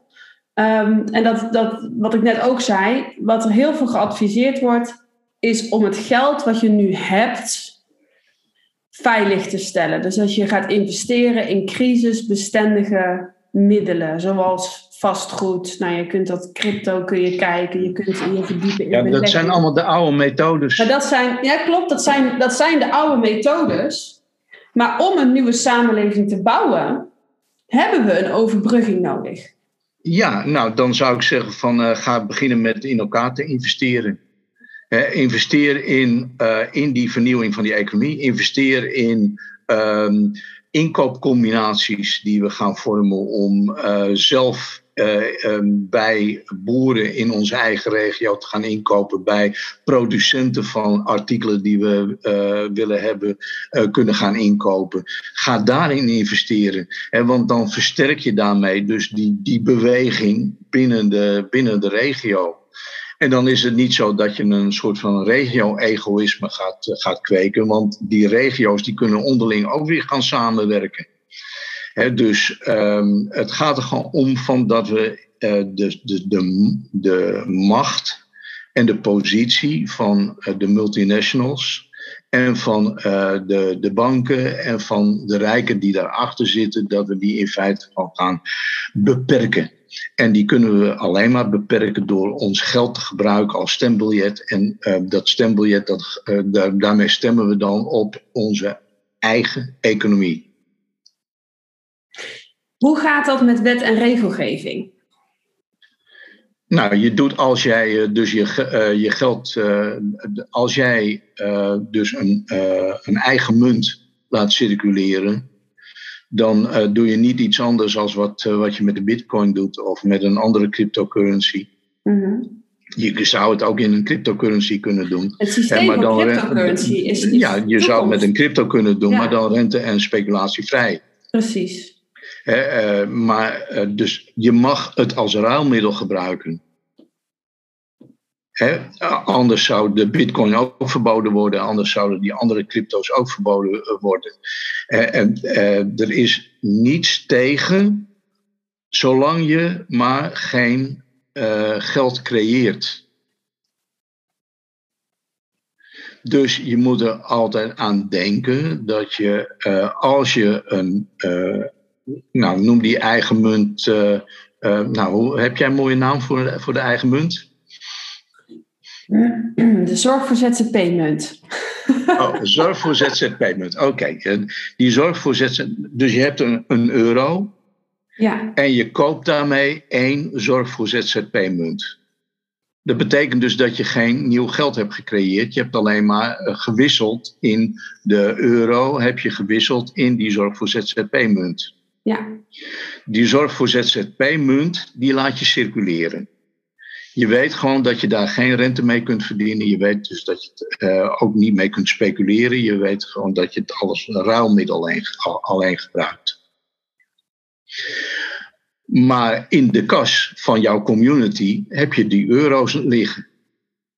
Dus als een van de leden eh, op een gegeven moment met zijn uh, zorg voor ZZP-munt zegt van ja, maar ik heb nu toch euro's nodig, want ik moet de BTW betalen of ik heb euro's nodig, want ik moet de verzekering betalen, dan kan die dat altijd weer terugwisselen in euro's. Dus Omdat systeem, die euro's daar in die kas zitten. Het geldsysteem wat we nu kennen, dat Ja. blijft wel parallel lopen als zijnde betaalmiddel. Alleen ehm, eh, we Want gaan is- parallel daaraan een nieuwe munt laten Ja, circuleren. het is natuurlijk heel onpraktisch om te denken dat je alles ineens kunt overzetten in die zorg voor ZZP-munt. ja, Die zorg voor ZZP-munt die moet groeien. ja. En die groeit naarmate er meer gebruikers van zijn en naarmate er meer draagvlak voor komt. En als dat draagvlak er is, dan, eh, dan wordt de zelfvoorzienendheid met die munt ook steeds groter. Dus op En een gegeven moment dus kunnen ook- mensen dan ehm, bijvoorbeeld, ik zou kunnen zeggen, in eerste instantie, ik ga een crypto eh, munt eh, on- ontwikkelen, lanceren en die noem ik de Zorg voor ZZP-munt. Ja, En mensen kunnen die munt bij mij kopen voor Ja. bijvoorbeeld een euro. Dus dan, ver- Ja. dan vertegenwoordigt die de waarde van een euro. ja, Die euro die krijg ik en die leg ik in de kas. Dus ik ben dan eigenlijk mijn eigen bank. Zonder rente, zonder speculatie, puur een ruilmiddel. Ja, en, en, en dus de, die euro's, die zet je gewoon uh, op een nette manier zet je die weg. Uh, daar kom je niet aan. En uh, daar ga je ook geen beheerskosten voor rekenen of dat soort dingen. Ja, dat, dat ligt gewoon. het is net als van je gaat naar binnen en je hangt je jas aan de kapstok. Ja. en als je weer naar buiten gaat, dan doe je je jas weer aan. Maar dan moeten dus, mensen ook vertrouwen gaan krijgen. Dat je ja, dat doet. Ja, ja, dus het moet en heel transparant zijn. En je moet inderdaad elkaar vertrouwen. Hè, dat je niet op de ouderwetse manier toch elkaar weer belazert om er zelf beter van te worden. Precies. Hè, dus uh, de, en de grond, hè, daar komen we steeds weer op terug. De grond van alles is een veranderend bewustzijn.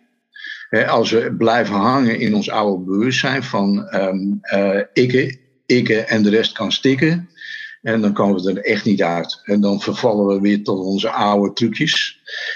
We moeten gewoon begrijpen dat onze enige kans is dat we het samen doen en dat we elkaar gaan vertrouwen en dat we ook elkaar niet belazen. Ik denk dat dat ook voornamelijk heel veel aangeleerd gedrag is. Um, en dat zie je nu ook steeds meer naar voren komen in onderwijs, maar ook in de zorg. Uh, er wordt continu een spel gespeeld tussen verdeel en heers. Hè? Ja. Je keert je rug toe als je een vaccin weigert op dit moment, want het is oneerlijk tegen de mensen in de zorg. Terwijl eigenlijk heel veel mensen in de zorg hopen dat je het niet doet, want zij staan veel meer met hun rug tegen de muur dan bijvoorbeeld jij en ik. Ja. Zij moeten op die afdeling rondlopen. Zij ja. werken die medische ja, dus, al. Dus dit huidige systeem um, genereert uh, negatief gedrag. Ja, ja, Dat is absoluut waar. Daarom moeten wij gewoon uh, toch, uh, ook al is het nog zo moeilijk, met het vertrouwen wat we nu nog hebben in onze medemens en onze bereidheid om echt samen te werken, moeten we dat inzetten om die verandering teweeg te brengen. Als we eenmaal succes daarin hebben, Mhm. dan zie je dus dat mensen ook weer vertrouwen, meer vertrouwen gaan krijgen. Dus je moet het ook niet zeg maar, in één keer gewoon van. En nu hebben we de parallele economie. Je moet het gewoon uh, stapsgewijs doen en alleen die dingen doen waar het draagvlak voor is. Dus niet meer stappen dan waar voldoende draagvlak voor is om het te doen. Even terug naar die munt. Want ik Ja. vind dat een heel belangrijk startpunt voor het Ja. bouwen van een nieuwe samenleving. En het roept, denk ik, bij de mensen die luisteren al direct heel veel vragen op, want dat doet het bij mij ook. Ik word er wel heel erg enthousiast van. Dus dan Mhm. heb ik al dat ik denk, hoe, hoe kunnen we dat gaan doen met elkaar? Want als er één frustratie bij mij aanwezig is, dan is het wel de gezondheid van de mens. En dan heb ik het niet Ja. alleen maar over de medische aspecten eh, van kunnen we een virus verslaan, maar ook heel erg de balans die we als mens volledig zoek zijn geraakt. Ja. We zijn verwijderd van wie we werkelijk zijn. We hebben geen Ja. idee waar we toe in staat zijn. We onderschatten onszelf enorm. Ja, En ik denk dat we inderdaad, wat je zegt, de grootste verandering zit hem in het, het bewustwordingsproces. En ik denk namelijk zelf ook dat die parallele samenleving daar een hele grote, eh, een groot onderdeel van die ontwaking of bewustzijnswording is. Want je ziet op dit moment gewoon een splitsing in de samenleving die sommige mensen als vervelend ervaren en ik eigenlijk alleen maar toejuich. Want dat betekent dat we op weg zijn naar meer bewustwording. ja, En als we even in de praktijk, hoe, gaat zoiets, hoe, hoe moet zoiets er dan uitzien om daar een beetje beeld bij te krijgen? Ik heb zorg voor ZZP. Ehm, eh, wij verkopen aan de ene kant klachtenregelingen met verschillende instanties. Dat mocht er iets gebeuren vanuit een cliënt, dat ze een klacht kunnen indienen, dat er een onafhankelijk tussenpersoon in bemiddelt. Mensen betalen mij daarvoor in euro's. Ik zou dat zelf in hè, bewaring kunnen nemen. Op dit moment draait mijn bedrijf helemaal op euro's. Stel nou dat ik zeg, ik ga 10% van de euro's die ik krijg, ga ik opslaan. En in ruil daarvoor krijg jij van mij die 10% terug in mijn eigen crypto-munt. Vervolgens ligt die bij iemand, want diegene kan daar niks mee. Die kan alleen maar het jaar erop bij mij verlengen en zeggen: hey, ik heb van jou die 10% cryptomunt gekregen, die wil ik nou weer inwisselen. En, hè, en dan cirkelt die een beetje rond. Hè? Dus dan, blijft, dan, dan blijven ze in deze community om het mee te helpen groeien. Er komt een moment dat ze iets met die munt kunnen gaan doen. Hoe ontstaat dat dan? Want ik, ik heb het nu in mijn eigen kleine cirkeltje, kan ik zeggen van nou 10% betaal je dus aan, aan zijnde in ruil voor de cryptomunt die je van mij krijgt. Maar die cryptomunt vertegenwoordigt alleen maar de waarde die jij mij hebt gegeven. Maar je kan er in principe nog niks mee als het alleen maar inwisselen bij mij weer tegen je eigen euromunten. Ja, klopt. Ja, daar heb je helemaal gelijk in. Dus waar gaat het om? Het gaat om de besteedbaarheid. Het gaat om de bereidheid van uh, bedrijven en uh, dienstverleners en wat dan ook in jouw community om dat, die zorg voor ZZP cryptomunt te accepteren als betaalmiddel. En dat kun je laten groeien door iedere keer als je iets koopt bij een bedrijf in die community, of misschien ook wel buiten de community, maar in de regio, uh, te vragen van wil jij een deel van de betaling accepteren in uh, die cryptomunt. Dus ik ga bijvoorbeeld naar een uh, energetisch therapeut en ik ga een uur lang laat ik me energetisch masseren, behandelen, coachen. Ja. En dan vraag ik aan diegene die bij mij in de community zit, en daarom kom ik daar, kan ik betalen met mijn eigen crypto-munt? Ja, klopt. Ja, of uh, voor een gedeelte in mijn eigen cryptomunt. Je hebt bijvoorbeeld in, uh, uh, in Zwitserland, heb je al sinds 1934 zo'n parallele munt. Die heet de Weer. En als je bijvoorbeeld bij een schoenenwinkel komt in Interlaken, dan kun je gedeelte betalen in Zwitserse franken en je kunt een gedeelte betalen in die weer. Dus het principe bestaat al heel lang. Alleen uh, het wordt onbekend gehouden omdat het natuurlijk voor het bestaande systeem enorm bedreigend is. En gesteld dat dit populair zou worden en dat mensen gaan ontdekken wat hier het grote voordeel van is, dan is het gauw afgelopen met, uh, met het huidige geld wat we hebben. Want dan stappen mensen massaal over op dit geld. Waarom? Omdat hun koopkracht dan bewaard wordt. Wordt niet steeds afgesnoept, van afgeroomd, zoals het nu gaat. Dus, um, uh, nou, dat voorbeeld van, van die weer. In 1934 kwamen, de, kwamen 16 Zwitserse ondernemers bij elkaar. Die zeiden van ja, dit is eigenlijk te gek voor woorden. Wij willen zaken doen met elkaar. Maar er is geen geld, want de Zwitserse frank was toen schaars. Toen hebben ze met elkaar afgesproken dat ze elkaar voor een deel zouden betalen met hun eigen munten weer. En dat is het begin geweest van, eh, dus het is nu 1934, dus, uh, uh, even kijken, bijna 90 jaar, hè? 86 jaar dat dat bestaat. Ja. En het heeft in die 86 jaar heeft, het, heeft het zijn nut uh, talloze keren be, uh, bewezen. He, dus het, het, principe is heel duidelijk um, haalbaar en ook praktisch realiseerbaar. Alleen uh, er moet draagvlak zijn en mensen moeten begrijpen wat het grote belang ervan is. En dat ga je pas begrijpen op het moment dat je begrijpt hoe wij in de tang worden genomen door dit huidige geldsysteem. Ik lees vanmorgen in de krant dat uh, de, de, het kabinet is helemaal blij, want ze kunnen geld besteden. Er zit geen rem op op dit moment. En denk van, wat is het een stelletje idioten om zoiets te schrijven? Ja. He, want alles wat een, een, overheid uitgeeft, gaat ten koste van de burger. Ja. Het zijn allemaal onbetaalde rekeningen die later terugkomen en die in de, uh, bij on, door onze kinderen kunnen worden terugbetaald. Want er ontstaan weer nieuwe schulden. Ja. ja, ik vind het ook bizar voor woorden dat bijvoorbeeld Hugo de Jonge uh, in een interview aangeeft dat geld het probleem niet is. En gewoon een, een idioot bedrag beschikbaar maakt voor het opzetten van een testsamenleving. terwijl er jarenlang bezuinigd is in de zorg, ja. dan ik zie dat echt als een klap in het gezicht van alle mensen die in die zorg werken.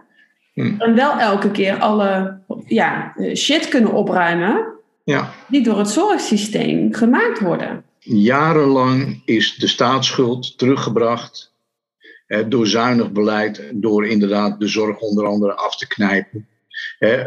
maar ehm, toen was het op een gegeven moment onder de 50% van het eh, eh, BBP. Dat is dus de waarde van alles wat we produceren. En uh, na de, uh, het uitbreken van uh, de coronacrisis is dat opgelopen en nu is het richting naar 65% ongeveer van het, van het BBP. Dus in één jaar met 15% en dat is ten opzichte van 780 miljard is dat een gigantisch bedrag. Uh, en dat wordt allemaal heel makkelijk nu uh, uitgegeven, terwijl daarvoor gewoon echt alles werd afgeknepen. Dus dat alleen al doet mij vermoeden dat ze in Den Haag echt wel op de hoogte waren van de World Economic Forum plannen. Dat uh, in feite gewoon een positie is uh, gecreëerd om uh, nu in deze tijd met name aan die, dat soort dingen als waar Hugo de Jonge geld aan uitgeeft, om daar onbeperkt middelen voor te beschikbaar te hebben. Ja. Maar nu krijg je dus van de omgekeerde beweging. Hè, van eerst eh, nam die staatsschuld af en nu is die weer versneld aan het toenemen. Ja, zeggen ze, we betalen negatieve rente. Dus voor iedere lening die we aantrekken, krijgen we geld toe. uh, maar daarbij vergetend dat je het geld toch opneemt en dat je toch weer een wissel trekt op de komende generaties en op de toekomst sowieso. Ja, nou ja, je merkt het nu natuurlijk al. We hebben het helemaal in het begin heel even gehad over het onderwerp inflatie. En dat we wellicht afstevenen zelfs op hyperinflatie. Um, stel nou, dat dat, dat, dat komt er, hè, die hyperinflatie, op het moment dat die hè, enorm, als de stuwdam, hè, want op dit moment uh, wordt dat geld e-, eigenlijk in de top van de piramide wordt dat vastgehouden. Ja. Als uh, de stuwdam gaat breken, dan, krijgen, dan wordt de wereld overspoeld met geld. Want er is een ongelooflijke hoeveelheid geld in omloop. Allemaal gebaseerd op schuld. Dus aan de ene kant is er een enorme schuld. En aan de andere kant is er een enorme hoeveelheid geld. En dat geld zit voor het grootste deel in de verkeerde zakken. En als die verkeerde zakken gaan bewegen, dan heb je binnen, binnen no time heb je dan hyperinflatie. En dan is het geld in principe nou, niks meer waard. Of een fractie waard. Is, het, het is nu uh, eigenlijk al niks meer waard. Nu al niet meer. Nee. Maar dan kun jij nog geen pak melk meer kopen voor het bedrag waar je het nu voor kon kopen. Dus dan gaan wij het echt merken als zijnde de burger. Ja. Want nu merken we het nog niet. Ja. Oké, voilà. En als je dan op een gegeven moment ook nog de aanvoerlijnen gaat verstoren, dan, dan creëer je een gigantisch chaos. En dat wordt de voedingsbodem voor het uitrollen van uh, de Great Reset. Ja parallel daaraan, met de wetenschap dat we gaan afstevenen op hyperinflatie. Want ik denk dat we dat. Uh, uh, het, het jammere is, het jammere.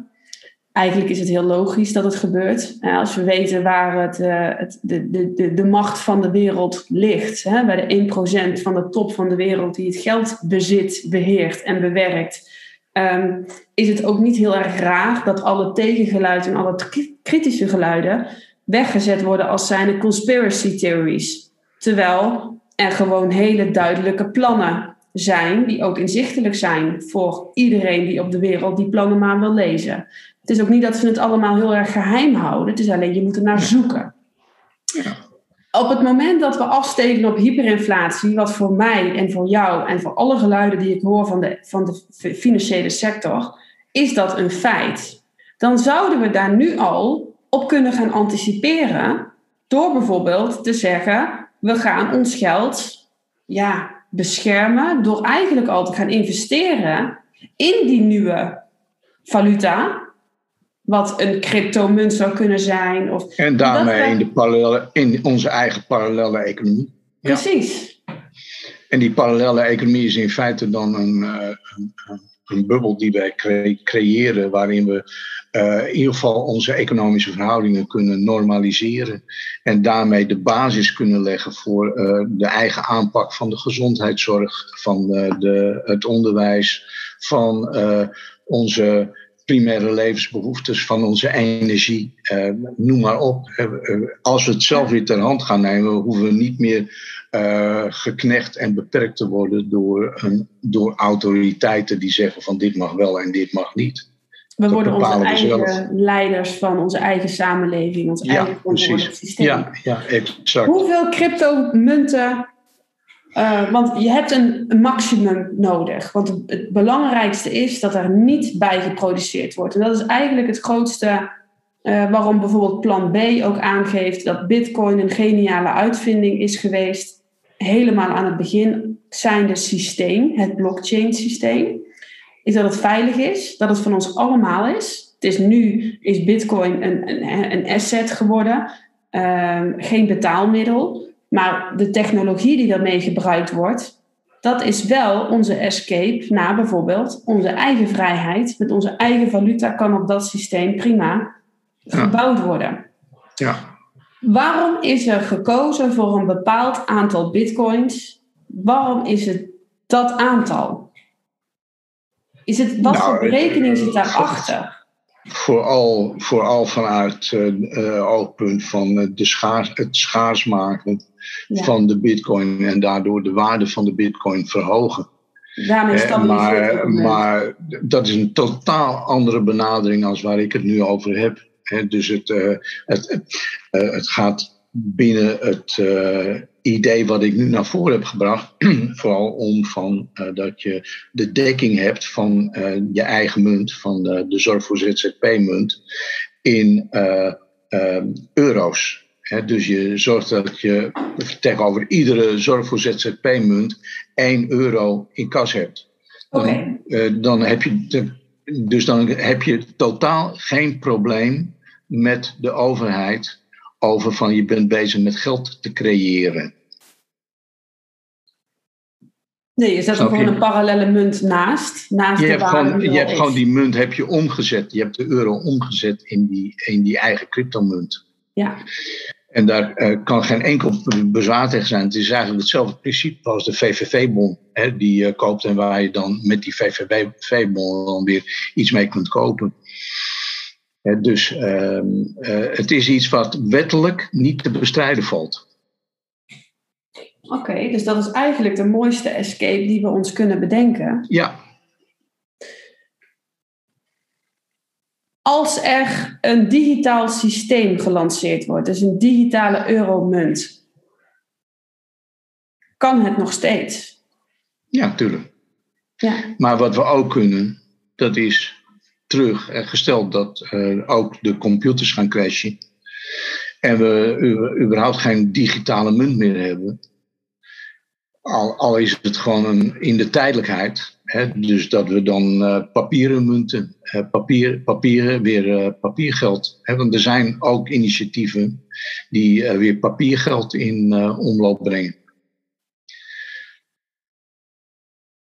Dus het is niet zo dat je per se vastzit aan een digitale oplossing. Je kunt het ook met, met munten, echt letterlijk munten, en met papiergeld kun je het oplossen. En dan krijgen we op een gegeven moment een geldstroom eigenlijk van allerlei verschillende soorten munten. Ja. Die in principe dan wel dezelfde waarde vertegenwoordigen. Die zijn allemaal herleidbaar op die 1 euro, ja. Ja, want dat is zolang, wel... Zolang de euro bestaat en als de euro instort, dan kun je als community met elkaar afspreken van uh, dit is de waarde van onze eigen munt. Punt. En dan ga je gewoon uh, door met elkaar te betalen met die munt op de basis die je met elkaar hebt afgesproken. Ja, ja. Oké. Ja, het is, het is geen makkelijke klus. Nee, omdat daartussen zit hè, dat uh, je het met elkaar heel erg eens moet zijn. En dat nou ja, je ook het, het, belang, het belang ervan moet inzien. Nou, ik denk dat het belang ervan inzien dat, dat er een hele grote groep mensen is die daar mee bezig is. En met, met los, A, het systeem begrijpen waar we nu in zitten, dat is al een klus van, nou ja, ik denk dat, dat ik al, ik ben er al zeker zes jaar mee bezig. Ja. Dan heb je dat je dat systeem moet loslaten. Maar je hebt bijna geen vergelijkingsmateriaal. Dus dat je zegt, nou, dit systeem wil ik niet, ik heb eigenlijk liever dat systeem. je moet het zelf gaan bedenken. En je, bent, je hebt net dat ene systeem met pijn en moeite begrepen. Ehm, en dan heb je nog zoiets dat ik zeg van nou, we zitten nu in een overgangsperiode die volgens mij vrij pittig gaat zijn. Omdat jij zelf ook aangeeft, stel nou dat wij die cryptomunt nu gaan uitgeven. Dat ik zeg van nou, elke euro die er bij ons geïnvesteerd wordt, krijg jij een crypto, zorg voor cryptomunt voor terug. Die cryptomunt die vertegenwoordigt gewoon die euro die jij bij mij hebt gegeven. Die ligt veilig in een kluis. Moet jij naar de, uh, naar de Jumbo toe en jij moet boodschappen gaan doen. Uh, nou ja, eigenlijk ga je dan dus ook niet meer naar de Jumbo, maar je gaat. Nee, precies. Ja, precies. dus de, de, je hele patroon gaat veranderen. Je gaat, je gaat inkopen bij uh, die bedrijven die uh, de, jouw munt accepteren. En dat betekent dus, dus ook dat je moet gaan lobbyen. Dat bedoel ik ook bij community. Het is, het is niet alleen beperkt tot de zorg, het is een complete community. En dat holistische, dat gaat verder dan alleen het, het zorgaspect. Ja. En dat gaat over de hele, daarom zeg ik van eerst de economie met elkaar op poten zetten. En dan uh, hebben we ook de basis voor de rest. Ja. Wat kunnen mensen het beste die nu hierin zitten? Uh, we hebben natuurlijk heel veel ZZP'ers met een eigen praktijk. Dat zijn psychologen, psychiaters, huisartsen, complementaire geneeswijzen, acupuncturisten, uh, mas masseuses, cosmetisch artsen, schoonheidsspecialisten. Wat kunnen zij nu bijvoorbeeld als eerste gaan doen om, om bijvoorbeeld een bijdrage te gaan leveren aan die community? Nou, de, eh, de, dus die community zijn ze zelf hè, in de eerste plaats. Dus het is niet zo van er is een community. Dus uh, de beweging moet vanuit henzelf komen van wij willen met elkaar een community gaan vormen. Wat een eerste stap zou kunnen zijn, is dat uh, ze met elkaar afspreken dat ze een inkoopcombinatie gaan vormen. Waarmee ze de primaire levensbehoeftes gaan, gaan inkopen. En de primaire levensbehoeftes dan voed, voed, voeding, kleding, uh, energie. Hè? Dus je, kunt met elkaar een aantal dingen afspreken van die gaan we dan met elkaar inkopen. Hoe doe je dat dan? Uh, nou, dan stel je een inkoper aan namens die, namens die inkoopcombinatie, hè, namens die community, gaat inkopen bij, zoveel mogelijk bij bedrijven in de regio. Uh, hoe betaal je dat? Doordat je iedere maand dat gedeelte wat je aan de primaire levensbehoeftes wilt besteden in euro's in de kast stort. Daaruit worden die inkopen betaald. Vervolgens moeten ze ook gedistribueerd worden. Dus je hebt ook het distributieaspect. Maar uh, je kunt die uh, distributie en die inkoop kun je makkelijk betalen uit de besparing die je hebt. Omdat je rechtstreeks inkoopt op grotere schaal bij leveranciers. Dus daar kun je een enorm voordeel mee behalen. En je haalt al die, die schakels haal je ertussen uit. waardoor op een gegeven moment de prijs waarvoor je het inkoopt een stuk lager is. Dat stuk lager dat gaat dan voor een gedeelte op aan de inkopen die je betaalt en aan de distributie die je, die moet regelen. En je hebt natuurlijk ook wat administratie te regelen. maar uh, al met al ben je op die manier heel um, voordelig uit. Dus het is in het belang van alle deelnemers, omdat uh, ze met het geld wat ze dan nog hebben veel meer kunnen doen. En het is zo van dat uh, je daarmee ook in je economie direct die bedrijven in de regio gaat betrekken. Ja. Het hele mooie hiervan is, is dat als dit gaat lopen en mensen zijn er blij mee, dat ze dan ook uh, bereid zijn om de volgende stap te doen. En die volgende stap zou kunnen zijn van dat ze met elkaar in water en energie gaan voorzien. Of met elkaar gaan voorzien in de eigen gezondheidszorg. Of met elkaar gaan voorzien in, de, in het eigen onderwijs. Ik zou het nooit allemaal tegelijk doen, maar ik zou het wel dus uh, stapsgewijs doen. Zodat je kunt bewijzen dat het werkt en dat mensen er enthousiast van worden. Ja, ja. We hebben met z'n allen een flinke klus te klaren. Ja, dat, dat hebben we zeker, ja. ja. Maar het is de moeite waard. Hè, want de, uh, de prijs die ervoor staat is onze onafhankelijkheid en onze vrijheid en ons zelfbeschikkingsrecht. Dus als we daarvoor gaan, en dan zijn we echt wel bereid om die prijs te betalen. Als we ons dat echt beseffen.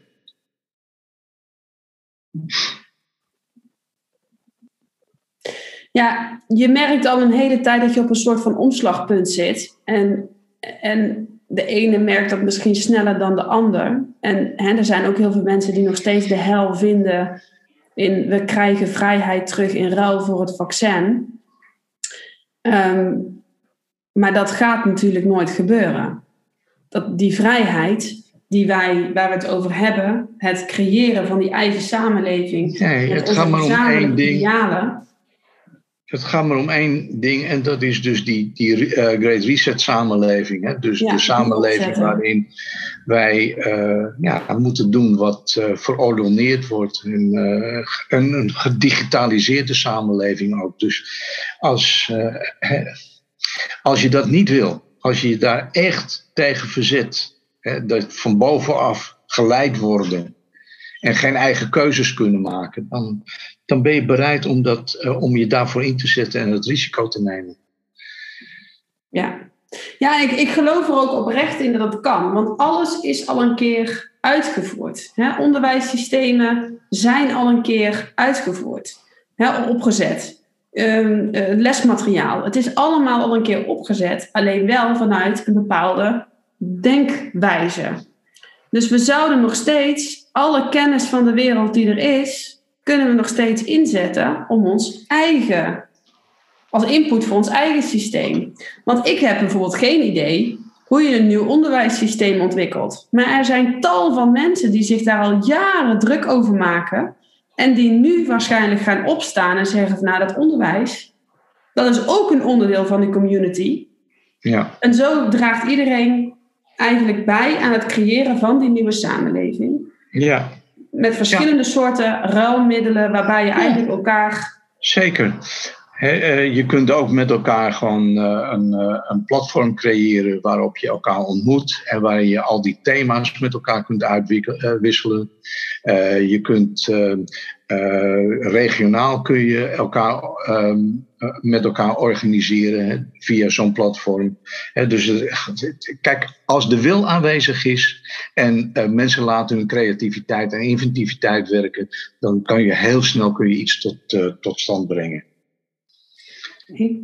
Als mensen hier meer van willen weten, waar kunnen ze dan terecht? Nou ja, goed, ik heb natuurlijk uh, inmiddels vijf boeken geschreven over dit onderwerp. En uh, Geld komt uit het niets en Geld in de bijrol zijn mijn belangrijkste boeken. Daar schrijf ik veel in over hoe dat financiële systeem in elkaar zit. En dus wat je niet hebt gehoord vandaag kun je daarin lezen. En ja, voor de rest uh, zou ik zeggen van ga je oriënteren. Want op internet is erg veel te vinden inmiddels. Ja. ja. Hè, en, uh, maar vooral um, uh, dat je de bereidheid hebt om zelf in actie te komen. En uh, dat je niet je wil laten leiden door iemand naar, ergens naartoe. Maar dat je het gewoon echt, de, echt het samen moet doen. En uh, niet meer verwachten van, nou, meneer die en die of mevrouw die en die, die gaat het wel voor ons regelen. Dat moet je niet doen. En met die mentaliteit kom je er niet. Nee, en, het, en, en zeker zoals je zei, van het wordt niet makkelijk. Het is gewoon een opgave. Maar uh, de beloning voor deze inspanning is enorm hoog. Ja, ja, en we hebben natuurlijk heel wat af te laten allemaal op aarde. Niet ja. alleen voor onszelf, maar ook onze ja. kinderen, onze kleinkinderen. Precies, daar gaat het om. Daar gaat het om. Ja, precies. Nou, ik heb heel veel geleerd vandaag over mogelijkheden. Nou ja, het is vooral natuurlijk ik denk dat mensen die misschien luisteren naar deze podcast, um, uh, dat ze al uh, wellicht nu voor het eerst heel veel dingen horen over het huidige financiële systeem. En ja. ook, uh, ik, ik, ik, ik zou ook tegen iedereen willen zeggen, ga inderdaad eens op internet heel veel lezen over hoe dat financieel stelsel nou eigenlijk in elkaar zit. Maar ook welke bedrijven er nou eigenlijk allemaal eigenaar zijn van bepaalde NGO's, maar ook van grote multinationals kijk eens waar het geld allemaal naartoe stroomt. En als je dat op een gegeven moment gaat zien, dan begrijp je ook de piramide waar we het vandaag over hebben gehad. Ja, ja. Dat er eigenlijk een systeem is ontwikkeld van top-down. Ehm, en waarbij het lijkt alsof er allemaal kleine organisaties zijn. Maar als je verder de piramide omhoog gaat, dan zie je eigenlijk dat er maar enkele hele grote ehm, ja, families, bedrijven, eigenaren zijn.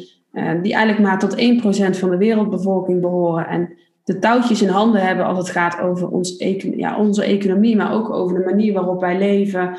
Wat Ja. we tot ons krijgen, eh, Ja. medicatie, maar ook nu de vaccins, eh, onderzoeken, de ge- volledige gezondheidszorg, het onderwijs. Eh, het gaat heel ver. Het En- gaat heel ver, ja. Ja, het gaat heel ver. En dat is misschien voor sommige mensen al de grootste eye-opener. Ja, En ga je dan vervolgens nadenken van ja, maar dat wil ik niet meer. ja. Ik, ik wil die holistische samenleving, die benadering, die samenleving wil ik, wil ik ontwikkelen. En ik wil dat, dat het zorgstelsel inderdaad veel verder gaat verbeteren. Want dat ons huidige zorgsysteem kapot is, dat is voor niemand een verrassing. Nee. Maar we moeten wel gaan werken aan vernieuwing. En die input kunnen alleen wij leveren. ja. Ik wil je heel erg bedanken voor je tijd en je uitgebreide uitleg. Graag gedaan. En jou eh, nou, ook de, de, de, de, de hoop en de, de, ja, de, van het toekomstbeeld wat je hebt kunnen schetsen. Ehm, want dat geeft ook steun in deze moeilijke tijd. Want Ja. het houdt niet op bij alleen het nemen van het vaccin. We moeten, eh, hier, hierna komt nog heel veel. Oftewel, je gaat het zelf doen. Oftewel, je maakt onderdeel uit van de Great Reset. Maar het einde is niet in zicht. Nee. En, ehm, en hoop is volgens mij het allerbelangrijkste wat wij als mensen nodig hebben. Hoop en vertrouwen om verder te kunnen bouwen aan iets Absoluut. nieuws. Absoluut. Dus heel erg bedankt voor jouw tijd. Oké, jij ook voor het gesprek. Ja, graag gedaan. En ik hoop dat iedereen eh, nou ja, het leerzaam vond. En uiteraard bedankt voor het luisteren naar deze podcast. En hopelijk tot snel.